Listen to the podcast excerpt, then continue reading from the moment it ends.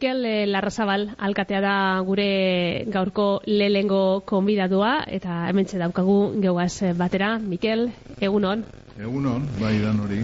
Urte eta erdi igaro da, gitxi gora bera, aginte makila jaso zenduanetik. Eh, zelan e, baloretan dozuz legintzaldiko lehenengo hilabete honek?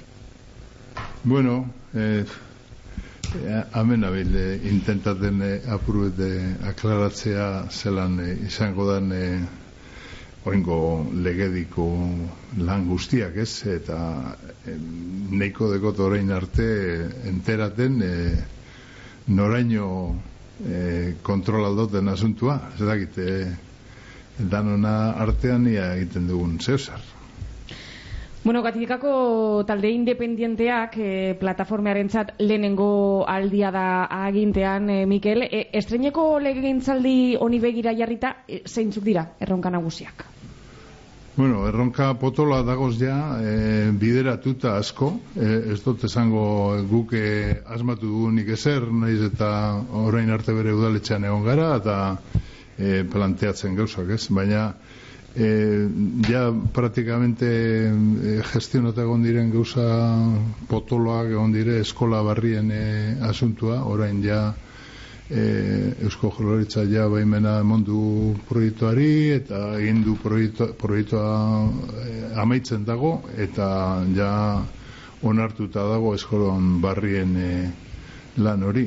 Eta gure aldetik ba amolda behar gara eskola barrien proiekton inguruko urbanizazioak eta hori guzti hori gestionatzen e, ez dakit e, zera norma subsidiariako deitzen ziren orain e, ordenantza municipal horre pere prestatu behar ditugu eta horrek e, proiektu guztiak aurrera eroteko ez?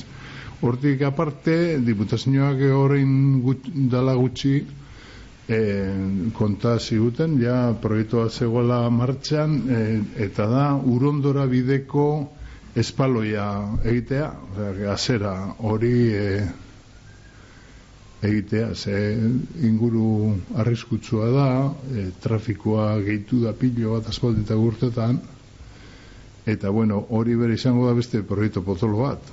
Hortik aparte, gero e, bertan herrian dagozen e, e, aurretik e, prestatuta rekonversino ber, e, rekonversora barri bat egiteko asmoa deko iberdrolak eta red elektrika gor asmoa eta ja e, ez dakit, e, ja baimena emonda deke zeren partetik, gobernu zentralaren partetik eta e, begiru begirunez edo ikusten da baita ere a, e, ameko gobernun partetatik.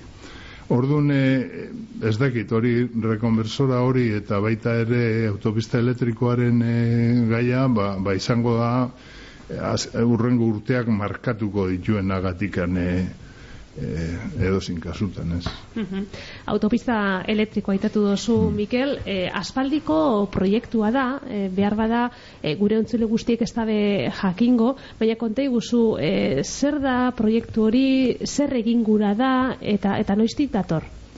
Bueno, pro proiektua azken baten e, gauza bat da esaten dena, eta besta gauza bat da igual e, e, euren e, intentzinoetan dagona, ez? E, e, e, multinazionalak edo, honek e, elektrizitate multinazionalak egiten da bena ez, eure planak e, etekinak e, eugiteko, ez? Eta horrek beti bere herrien gainetatik pasten dira, eta gure kasuan, e, ba, bueno, tokaiaku e, el premio gordo esaten dan ez, e, ze bertan e, egon zen lehen subestazioa lemoizera begiratuta lemoizko zentral nuklearari begiratuta eta orain ja e, geratu jako hemen e, distribuzio guztia bertotik gatik-gatik egiten da. Gatikako subestaziotik ez? Praktikamente inguruko e, bai muskizerantza e, Arantza ametik urten de zareak, ez, e, e, zer elektrikoak e, tendido, edo, ez zen, kableak. Bueno, ba, hori dala eta ez dala, ba, orain e, planteatu da, Frantzi eta Espainiako aldeak e, e, jositea zeuzelan hor e, sare elektriko horren barruan, e, ez dakit, e, ametik gara, ez dakit zan bat erongo dan, e, esaten de hemen produzituko dela pilo bat e, zera, e, energi berriztagarria edo, e, baina, e, bertan deko gune bertatik ekarri dana e, nuklearra da, basikamente. Osea, que ez dakit azkenean e, lemoizken du eta besta nuklear bateri entxufa badutzegu edo entxufetan gabiltzen e, korrintea, ez? hori guztia dago eztabaidatzen e, herri guztian e, orain dela ja hamar urte edo bueltaka dabilena, baina oin ja e, frantziko aldeak baimen amon dion tikona, ba, apurret ikusten dugu ja baimena bertoko gobernu zentrala bere dio, hor esaten dena interes publikoko e, zer bat, e, definizio bat, eta aporbete beraien e, zera kalifikazio horregaz, ba, udalak eta eta beste tipo bateko gobernuen ganetik pasatzen da ez eusela. Orduan, e, ez dakit, gu alegintzen gabiltza, e, ez e, ostopoa, baino e, gehien baten e, e, legedia e, errespeta dain eta ez bakarrik goiko baimen bat dagoela eta dana aurretik pasatzea ba, herritarren kalterako eguneroko lanean e, sortzen duen kalteak eta horrek gutxitzeko aleginak egiten egoten gara udaletxean gehien baten eh, esan duzu, aspaldi datorren proiektua da, eta zikeratik eh, herria bera eta udalabe kontra azaldu dira. Bai, hori argi, argi utzi da, e, euren e, proposamena beti zen da konbenio bat egitea, e, nik uste dute neure ustez e, konbenio horren e, geusatze hori, oindegarren prozesu horretan e, igual gauz, baina igual e, ba ez dakit ametik aurrera eskatu beharko jake e, egiten da zen kalten e, ordain e, zera edo zeuselako kompensazio herriari ez?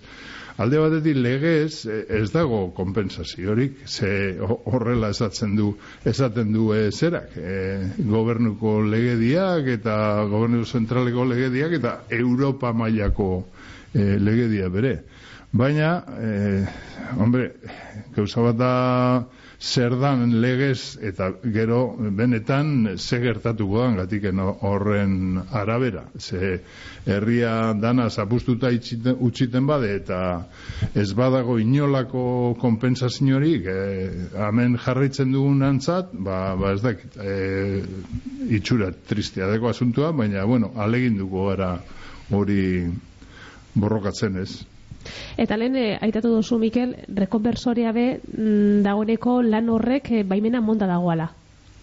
Bai, klaro. E, edo hori daine, ze hemen e, bakotxak esaten du bere gustu gadan ga asuntua, ez? Gero besta gauza bat horrela bada edo ez, beti dago jendea ulertzen duena, ba, behar da moduan ez direla tramitazio guztiak egin, eta eta badagola hor e, zalantza pilo bat horren inguruan. Hor horreri buruz guk egiten duguna da bat, tramitatzen dugu, bai e, e, aginduak emoten dituen e, departamentoa edo gobernuri e, bidalitz, bidaltzen diogu gure keska eta gure zerak. Baina beste gauzean dibarik, ze benetan e, juzgaduan bertan bere ipini dugu e, errepide baten gora beran zalantza bat, baina e, claro, e, jueza bere ezin da zer egin olako agindu handi baten e, inguruan.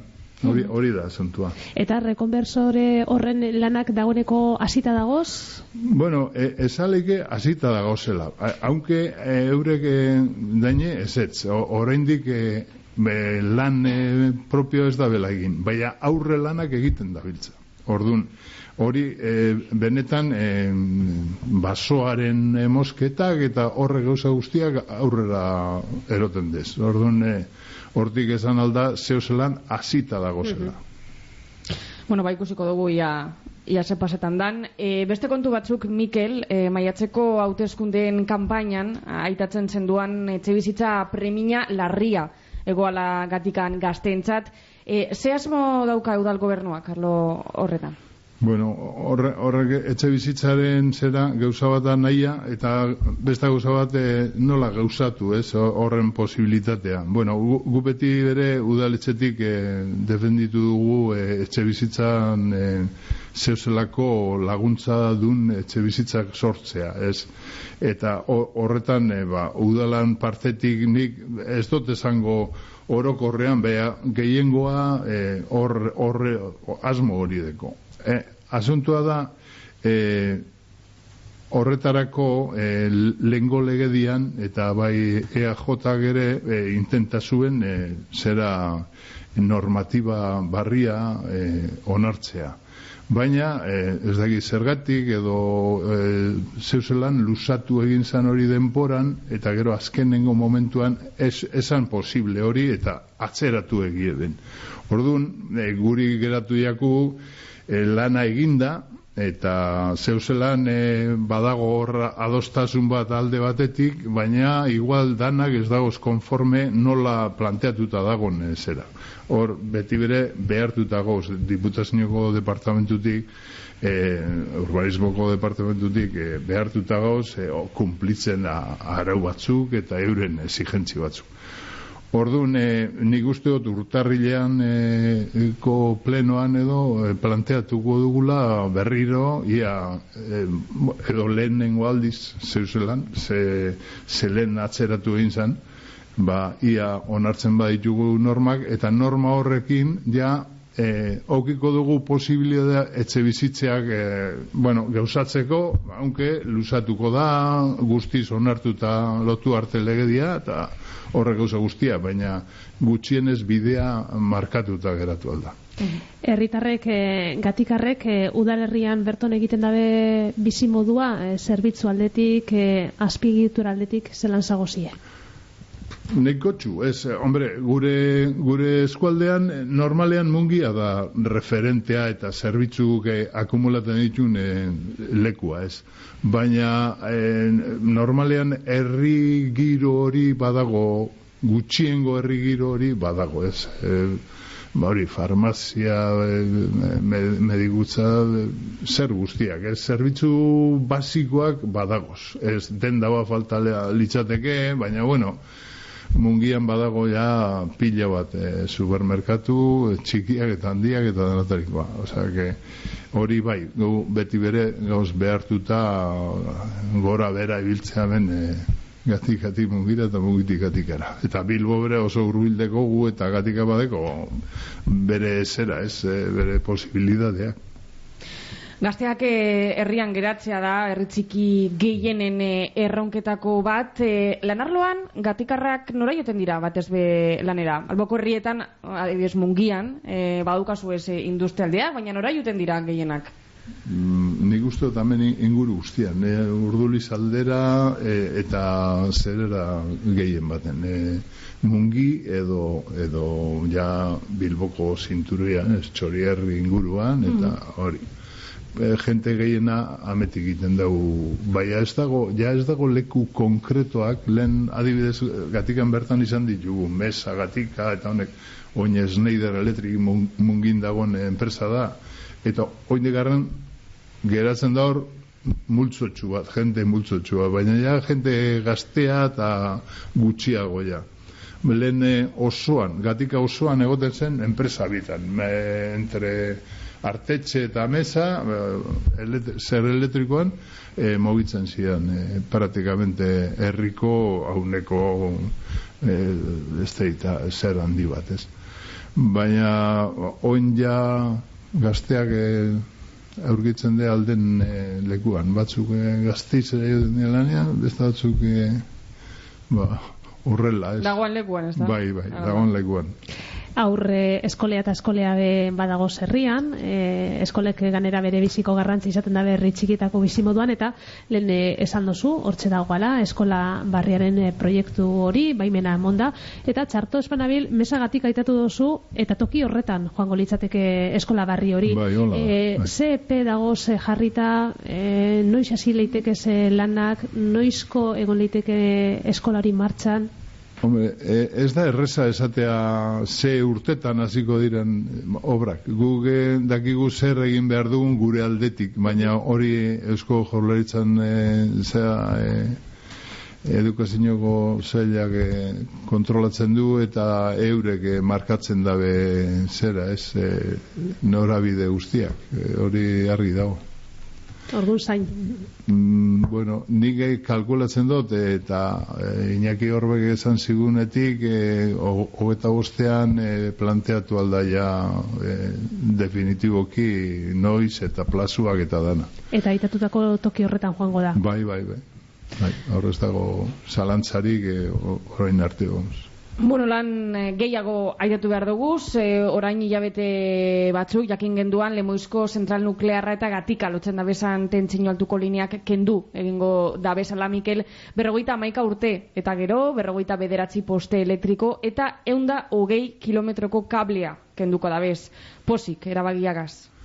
Bueno, bai, posik esan berda ez baldeko beste beste aldea, ez? E, ze hori beti bere izen da exigentzia derri honeko giduna, e, gaur egun e, posibilidadeak e, e, lurperatzeko eta ba, handiak dira eta beti mantenidu hori eta benetan a, azkenean e, ametiko tramua e, lur betik egingo da, baina e, beti bere e, zer danak e, tendidu guztiak ez dira ez dira kenduko, Kenduko. osea que iberduronak iberdrolanak e, hor geratuko dira indigarren. Baina red elektrika propiedaden degozenak komprometidu zan e, kentzen e, linea guztiak ez. No, hori, bueno, ondo dago, bai, ez dugu esango txartu dagoela, ze Amaitzen joateko, Mikel, ez dakite zeu zer gehiago gaineratu gurako zeunken, Bueno, zelan eh, eh, amaituko dozue urtea, eguna besterik ez dira galderatzen, gabonak zelakoak izaten dira urteaz, gatikan. Segurazki, ba, intentaten zerbait eh, konpondu behar bada, edo egin behar bada hemen, eta egongo da, afariran bat, edo bezkariran bat, aunque ja adinetik eta hori afariak eh, gutxiago, ez? Baina bezkariran bat egin berko da, ospatzeko amaitu dela urtea bere, beste barik. Eta aurrera segiko dugu. Ba, Mikel eh, Larrazabal, gatikako alkatea. Eskerrik asko, gaur geuaz izateagaitik. Eskerrik asko zuei, onarte etortearen.